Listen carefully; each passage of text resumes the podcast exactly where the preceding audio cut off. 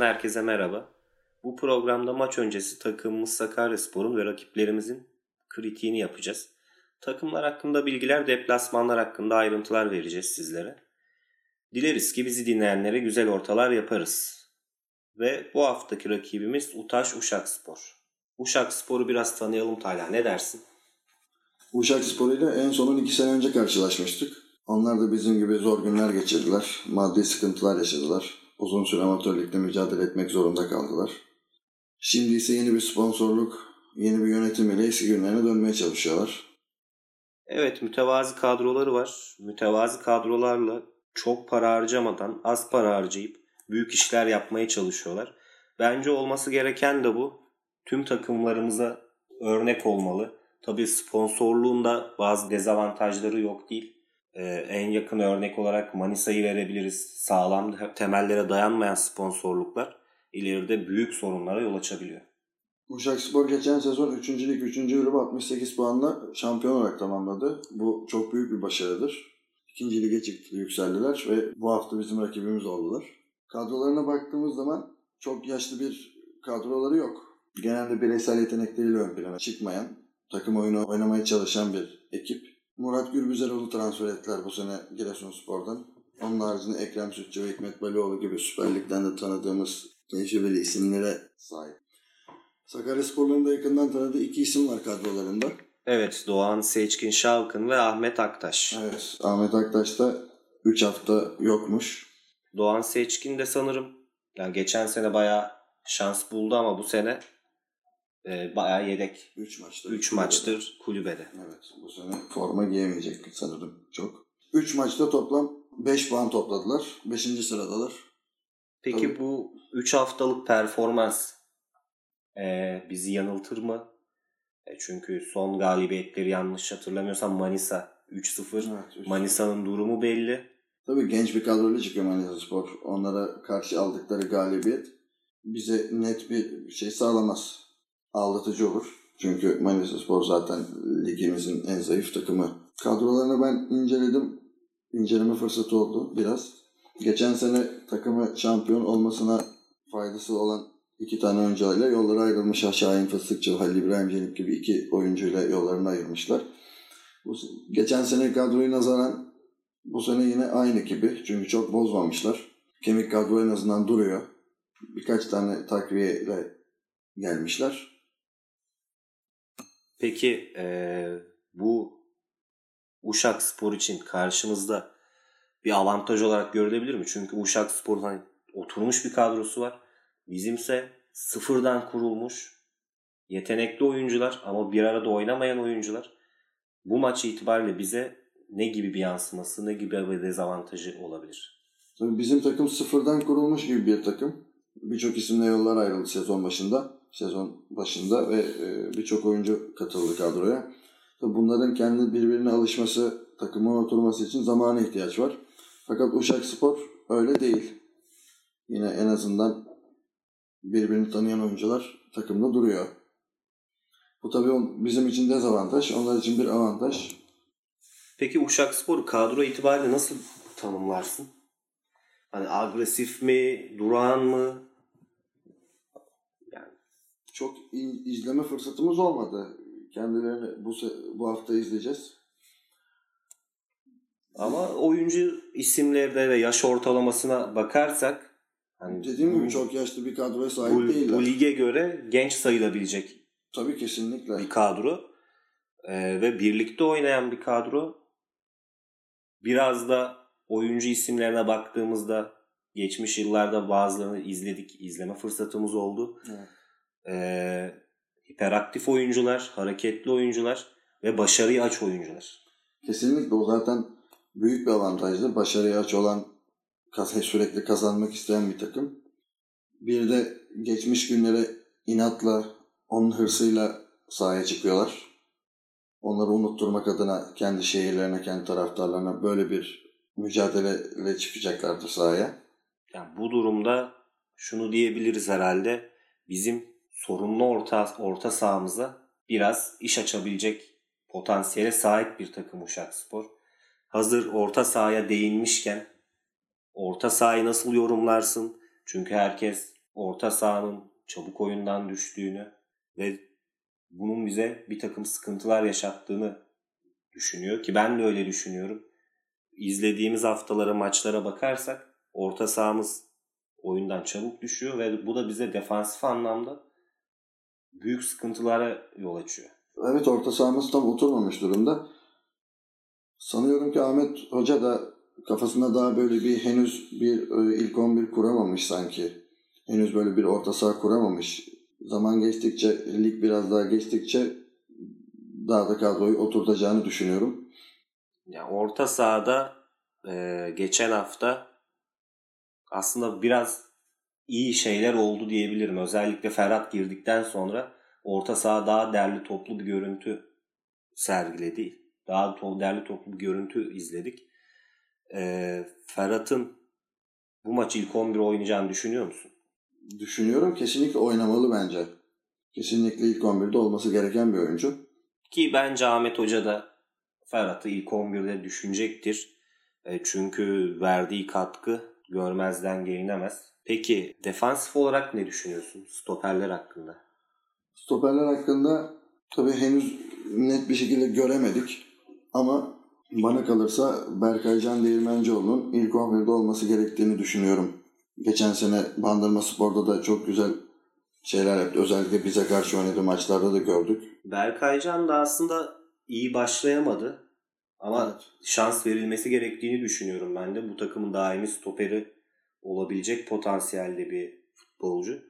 Peki Burak hakkında ne düşünüyorsun defansta? Burak bizim çocuğumuz, bizim altyapımızdan yetişen bir oyuncu. Gururumuz. Evet gururumuz milli takımlarda da alt yaş gruplarında da forma giydi.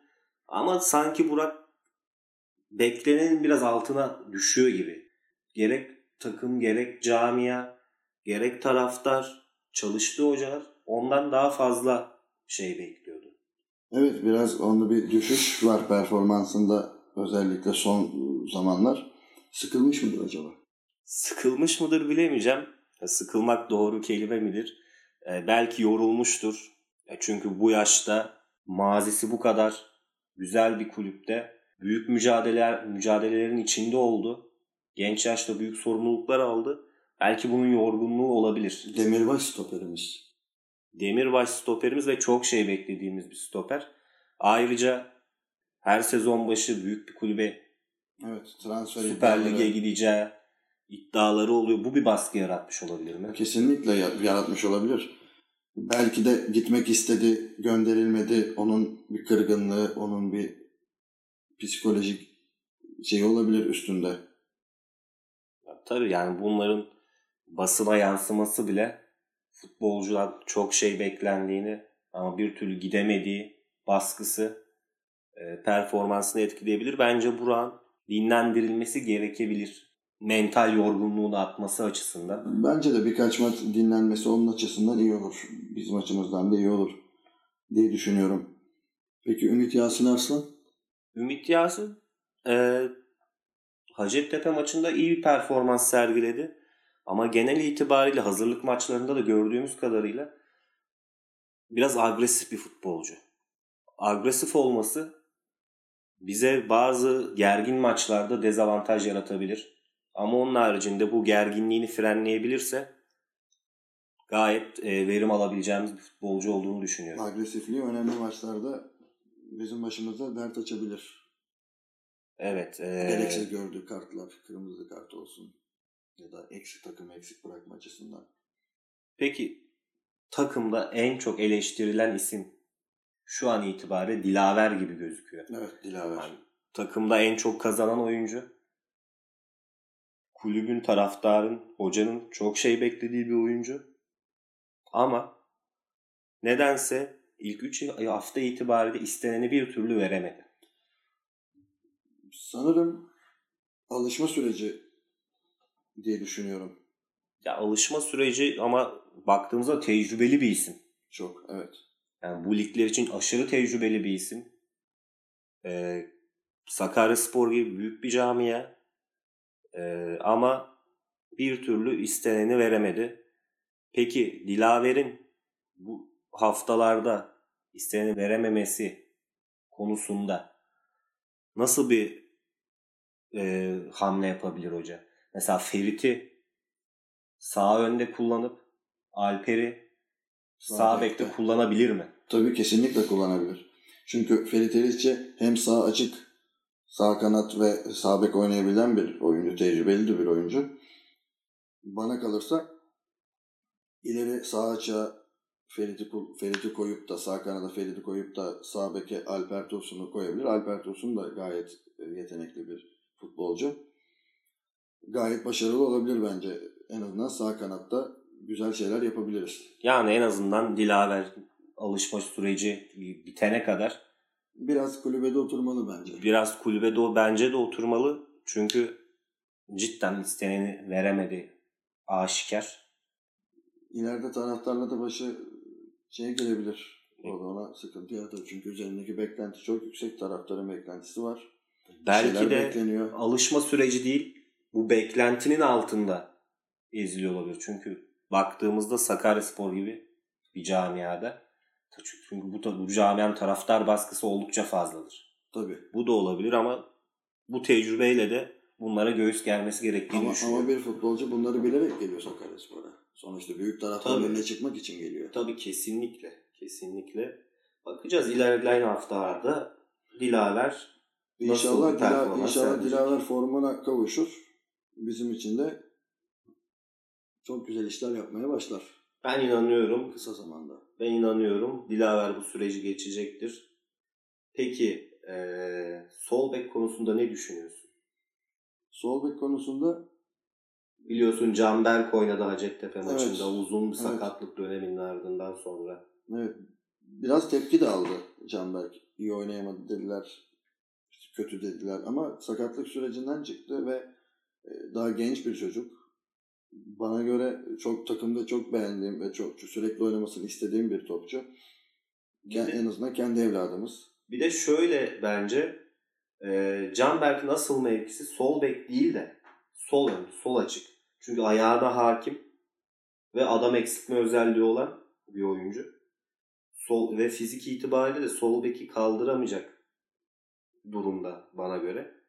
E, tabii elimizde de fazla alternatif yok. Tabii Recep, Recep İlyas, Canberk var sol bekte kullanabileceğimiz. Sol bekte Canberk kullanırsak Recep ki bu hafta Recep sanırım sakat çünkü takımdan ayrı çalışıyor Umut Sözen'le beraber. Evet öyle de bir bilgi var. Ee, Recep sakat, Umut belirsiz aslında. Yani tam net büyük sakatlı olduğu bilgisini alamadık. Ee, hoca oynatacak mı, oynatmayacak mı? O maç gününde herhalde belli olur. Hocam. Maç gününde öğreneceğiz. Bunun dışında forvet hakkında ne diyorsun? Kesinlikle Berk İsmail Ünsal diyorum. Ben de kesinlikle diyorum. Çünkü İlyas gol kralı. Tamam gol kralı oldu geldi ama isteneni veremedi gibi. Ve benim asıl çekincem olan olduğu kişi de Berk İsmail'di. Ki sezon başında da seninle konuşmalarımızda riskli transfer olarak söylemiştim ama performansıyla gerçekten çok iyi işler yapıyor. Kesinlikle çok güzel başladı. Yüzümüzü güldürdü Hacettepe maçında. Hocanın da bunu gördüğünü, Ahmet Hoca'nın da bunu gördüğünü düşünüyorum bence. İlyas'ı ve kulübeye çekip Berk İsmail'i artık. Yani Berk İsmail artık ben bu takımın birinci forvetiyim dedi bence. Bence de dedi. Hoca da bence bunu görmeli. Ve bu hafta Berk İsmail'le başlamalı. Ki Hacettepe maçında da başladığında gayet güzel bir verim aldı. Sürekli oynaması gerekiyor zaten böyle topçuların. Sürekli oyna, oynarsa e, sürekli bir başarı getirir. Sürekli gol atar. Puan getirir. Puanlar getirir. Tabii şöyle de bir durum var. Ee, Umut Sözen'in bir sakatlığı söz konusu dedik. Umut'un sakat olması ve oynamama durumunu göz önünde bulundurursak hocanın seçimi e, İlyas Forvet, Berk İsmail Forvet arkası da olabilir. Çünkü Berk İsmail geçmiş yıllarda ve e, daha önce geçen sene o bölgede izledik oynadığı takımlarda. Sen bu durumda ne dersin? Oynatır mı hoca Berk İsmail Forvet arkası? Böyle bir e, düzene geçebilir mi?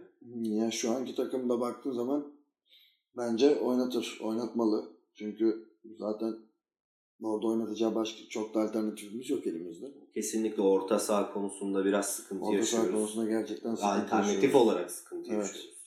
Yani henüz daha e, savaş olsun, Oğuz olsun, bunlar Serkan. Serkan olsun bunlar sanki henüz daha hazır değiller gibi geldi bana. Ya özellikle orta sahada hani Oğuz, Serkan e, ve Savaş daha çok 8 numara diye tabir edilen bölgede oynayan oyuncular. Daha Evet. defansif, daha ortada merkezde oynayan oyuncular. Ama Umut'a baktığımızda ileriye dönüp e, forveti pozisyona sokulacak pozisyonda oynuyor. Ve bu alanda hiç alternatifimiz yok. Bu yüzden ben Berk İsmail'i forvet arkası oynatıp sürpriz yapabileceğini düşünüyorum. Tabii Umut oynamazsa, sakatlığı ciddiyse bu olacak diye düşünüyorum. Umut, Umut'un sakatlığında orada Berk İsmail Ünsal oynatırsa Forvet'te kimi oynatmalı sence? İlyas'tan başka alternatifimiz var mı? Tevfik. Ya Tevfik, Tabii göremedik kendisini ama. Tevfik'i geçen seneden beri göremiyoruz Evet. açıkçası. Evet. Öyle bir durum var. Ee, Tevfik aslında çok büyük potansiyele sahip bir oyuncuydu. Yanlış transfer tercihleri kendisini bayağı bir futbol anlamında geri götürdü. bir dönemin bir dönemin menajerlik oyunlarının evet, menajerlik oynayanlar da iyi bilir. Bayağı bir potansiyeli olan, oyuncuydu. Ama ben İlyas'ı oynatacağını düşünüyorum. Tevfik'i oynatmaz. Bence de Umut Sözen'in de bir an önce tabii iyileşip takımı bu hafta sahada olmasını E tabii şunu da tekrar belirtelim. Umut hakkında daha tam kesin sakatlığı nedir? Oynayacak mı oynamayacak mı bir bilgi yok. Tamamen varsayım üzerine e, konuşuyoruz şu an. Sanırım küçük bir sakatlığı var ve hoca da temkinli davranıp Ya tedbir amaçlı tedbir amaçlı. ayrı evet. çalıştırdı diyorlar. Tabii Uşak spor maçı biraz daha kolay geçecek gözüyle bakılan bir maç. Bu maçta belki riske atmak istemeyebilir. Aslında kolay geçeceği bir maç diye bakılmamalı. Çünkü böyle e, lige yeni çıkmış takımlar kendilerini göstermek için saldırıyorlar. Saldırı agresif oynuyorlar. Biraz daha böyle kendilerini ön plana çıkarmak istiyorlar. Ki Sakaryaspor deplasmanında alacakları bir galibiyet onlar için çok büyük özgüven olacaktır. Tabii olayın orası da var. İşin o tarafı da var. Ee, aslında onu da sormak istiyordum. Nasıl bir Uşak Spor izleriz? Nasıl bir Sakarya Spor izleriz? Genel itibariyle nasıl bir anlayışla çıkar Uşak Spor? Tabii deplasman takımı olduğu için temkinli çıkacaktır sahaya. Çünkü Sakarya deplasmanı zor bir deplasman. Senelerdir buraya gelen takımlar. Öncelikli hedefi buradan beraberlikle ayrılmaktı. Kesinlikle bir de şu yönü var. Şimdi Sakarya Spor mazisi olan bir takım. Başarıları olan bir takım. Ve bir marka. Ne kadar bu Kesinlikle. liglerde olursa olsun bir marka. E, buraya gelen futbolcular özellikle genç futbolcu gruplarına sahip takımlar e, bir vitrin olarak görüyor burayı. Ve daha farklı oynuyorlar.